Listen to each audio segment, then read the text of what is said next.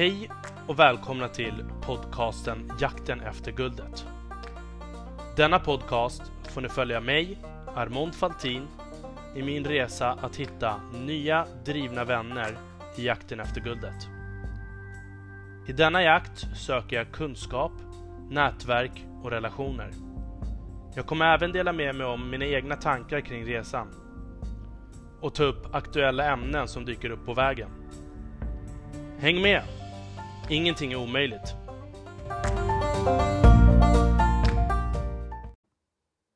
Hej allihopa och välkomna till avsnitt 92. Senaste nytt. Då tänker jag på Samsung. Samsung håller just nu på att betala ett av de största arvsskatterna i världen. Och nu vet jag att jag har ju pratat om Samsung tidigare i ett avsnitt som heter Samsung, företaget som vill bygga ett land. Och det jag gillar så himla mycket med just Samsung, det är att det är en sån skön story. Allt ifrån hur farfan som startade det hela, Lee Byung-chul, hur han började med att sälja frysta grönsaker och torkad fisk. Till att idag var ett av världens största elektronikjättar med över 380 000 anställda i 90 länder. Samsung, alltså de, de kom ju på den geniala idén när de väl gav sig in på det här med smartphone-marknaden. Så hade ju de också... Alltså de startade ju en tillverkning av ett speciellt chip som finns i alla smartphones. Och det här chippet, innan de började skapa sin egen telefon och liksom gå ut och konkurrera på marknaden, så sålde de det här chippet till iPhone. Så att iPhone köper ett chip från Samsung för cirkus 115 dollar. Så ungefär 1000 kronor tjänar Samsung på varje såld iPhone-telefon. Och det sägs till och med vara högre vinstmarginal än vad iPhone och Apple själva tjänar på sina egna produkter. Mm. Så deras, deras story om eh, Lee Byung-chul och eh, hans son eh, Lee Kun-hee, den är väldigt intressant. Eh, hur familjen har liksom byggt deras företag med allt ifrån tvättmaskiner till stridstankar till mobiltelefoni, tv och allt möjligt. Nudlar har de sålt. Och det spännande här är ju också att de har ju liksom genom hela den här perioden så har de ju faktiskt byggt upp ett land till viss del. Och I den här hela Samsung-berättelsen som jag berättade om tidigare i alla fall, där ingår ju också tre mutade presidenter. Uh, där en bland annat, har jag för mig, en kvinna, uh, hon fick sitta i fängelse. Så jag inte riktigt minns inte riktigt hur det var med de andra. Men ja, det, det är väl en väldigt spännande och uh, hektisk intressant berättelse omkring hela den här Samsung-familjen och alla söner och ena dottern och så vidare. Men, men nu i alla fall återigen till arvet. Ett av världens största arvsskatt håller på att betalas ut. Den här arvsskatten är på 11 miljarder dollar. Alltså cirka 100 miljarder kronor. Och i den här arvsskatten så involverar det också annat som att ge iväg, eh, eller ge till eh, museum och sådär eh, konstverk. Och det ingår faktiskt över 23 000 konstverk som Monet och Picasso som kommer att delas ut till museum. Och inte bara det, så kommer de också att behöva donera, eller inte behöva, de donerar till olika eh, medicinska eh, institutioner för att liksom förbättra vård och medicin och så vidare. Och jag tycker det är så himla spännande, hela historien kring just Samsung. Och arvet som kommer bli av eh, över efter allt det här kommer att ligga på cirkus 21 miljarder dollar. Alltså cirkus 200 miljarder kronor. Ah, det är helt galet. Sjuka siffror. Mm. Äh, det var bara en liten nyhet som eh, kom upp idag som jag bara tyckte att jag behövde nämna för att jag ändå... När, när man är ute och jagar, liksom, äh, poddens arbete. Jag satt ju förra veckan och, och pratade med en kompis om äh, ja, men arbetet kring podden. Hur, hur jag liksom ska hitta mina stories. Och då ingår ju det att jag behöver ungefär lyssna på nästan fem poddar om dagen. Och de fem poddarna om dagen går ut på att vi säger att jag lyssnar på en på morgonen, jag lyssnar i duschen, jag lyssnar när jag lagar mat och så tar jag promenad och lyssnar då också.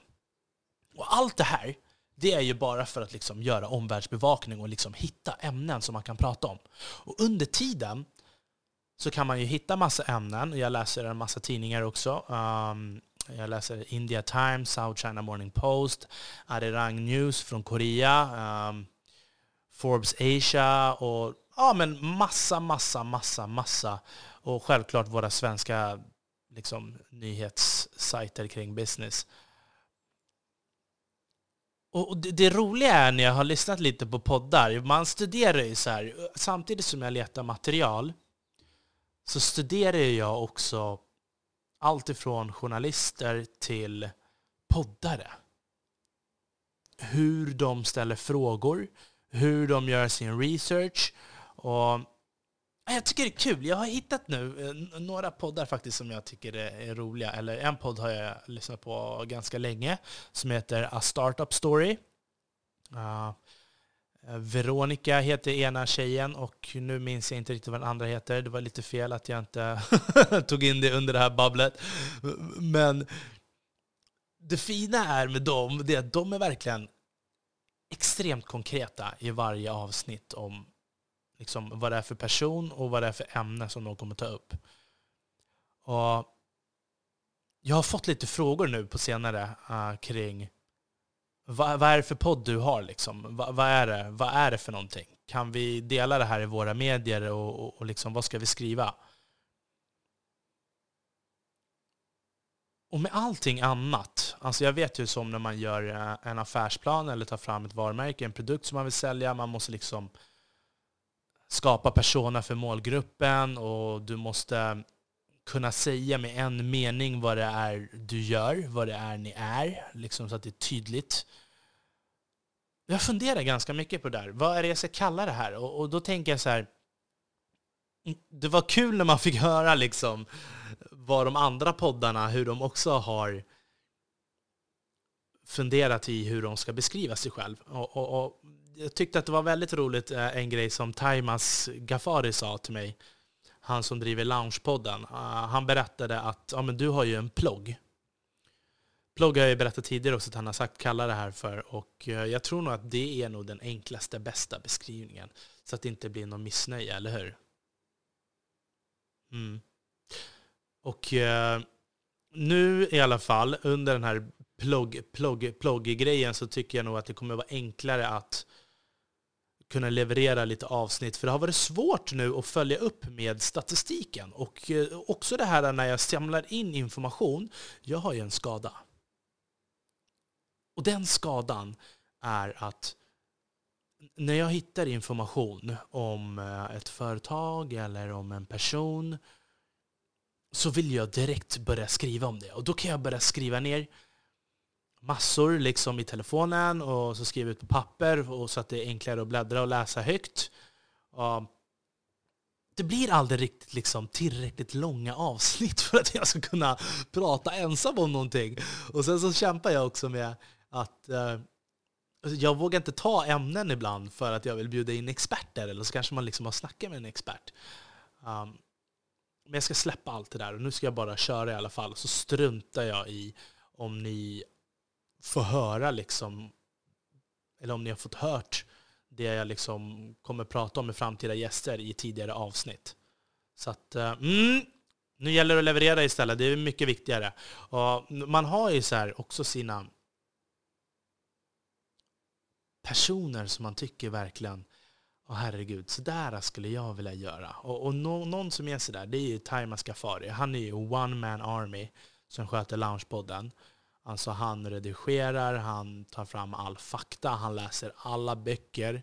Alltså om någon har skrivit tio böcker, då läser han tio böcker.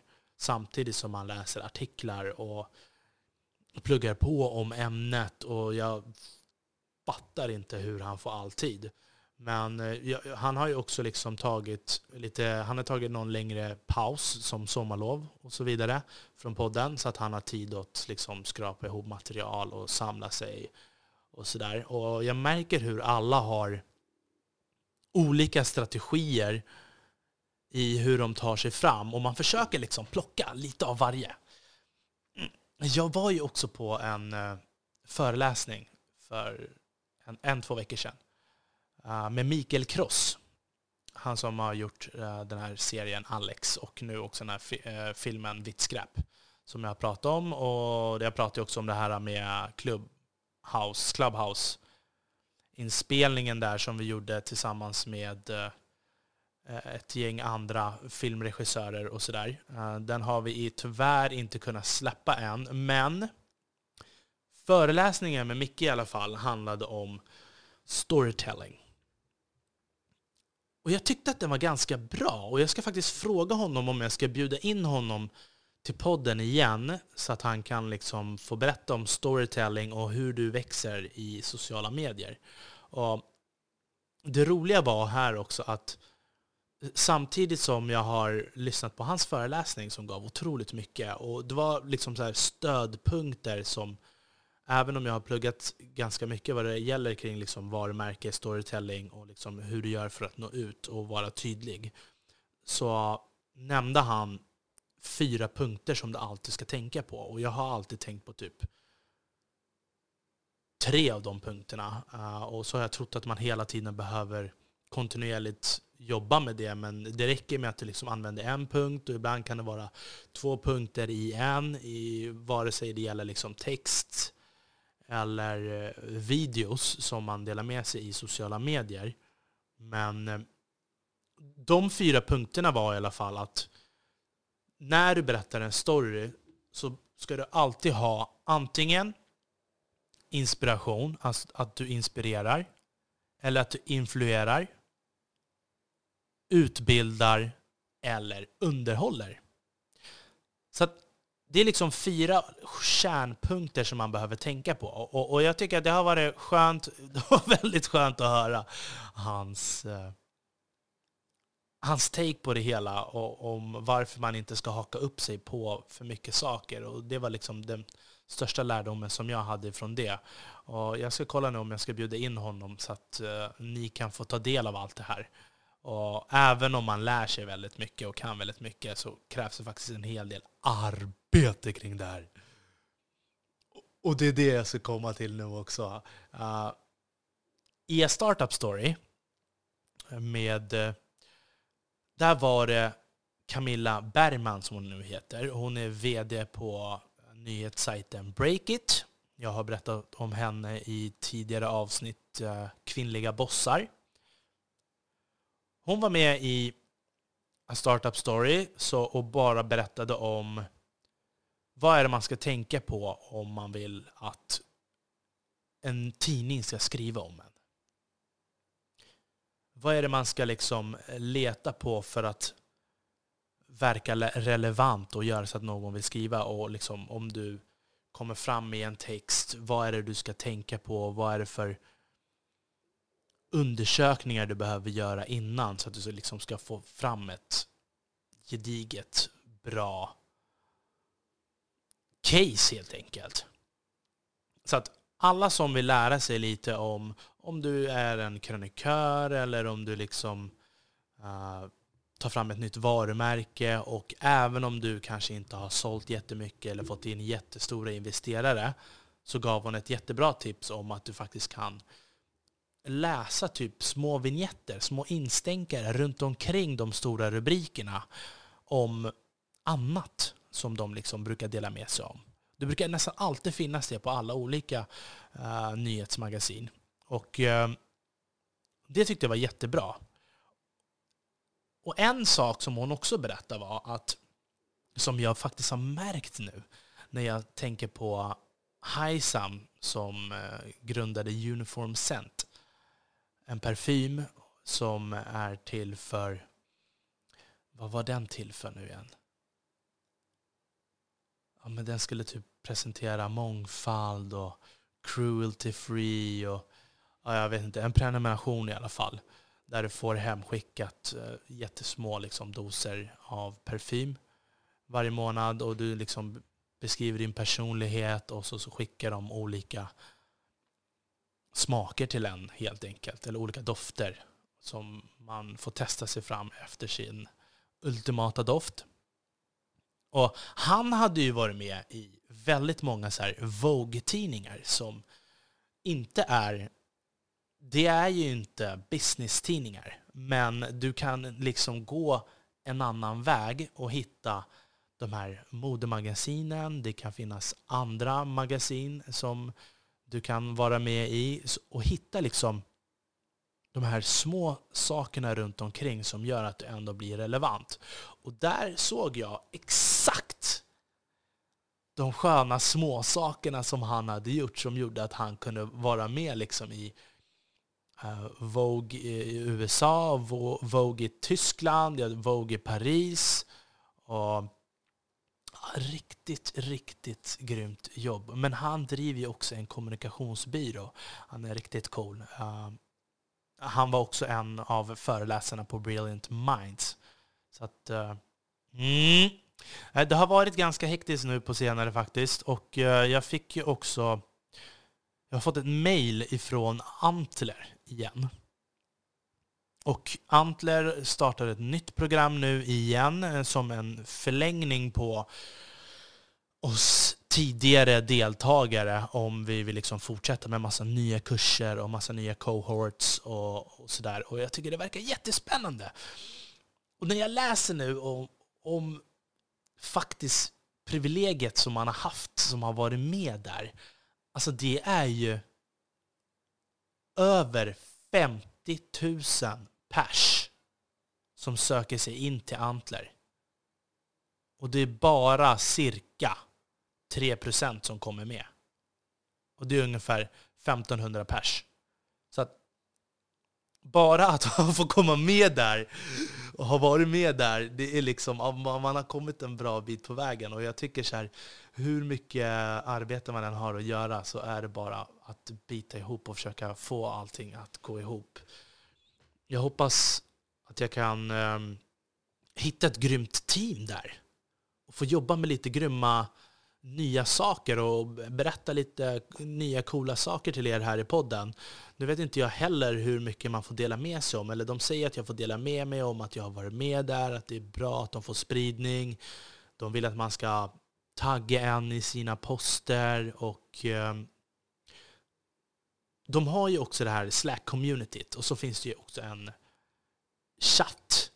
De har ju så här eh, WhatsApp-chattar och en egen liksom där du får lägga upp profiler också på deras hemsida. Allt ifrån om du söker arbete eller om du är fristående och söker ett team eller om du liksom söker någon spetskompetens in i ditt team.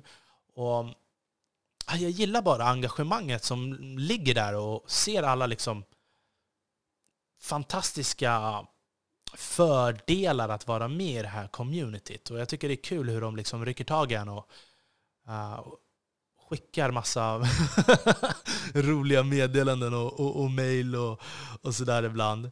Och, och det får mig också att tänka på så här, när man gör den här... Jag, jag älskar ju Korea, det har ni hört jättemycket. Och jag har ju hittat liksom... Jag hittar ju så himla mycket saker som jag undrar så här, varför finns inte det här? Vet du hur mycket saker det är jag googlar på här i Sverige som inte finns. Det är helt sjukt. Men det finns liksom i andra länder och det, det är på ett sätt proof of concept.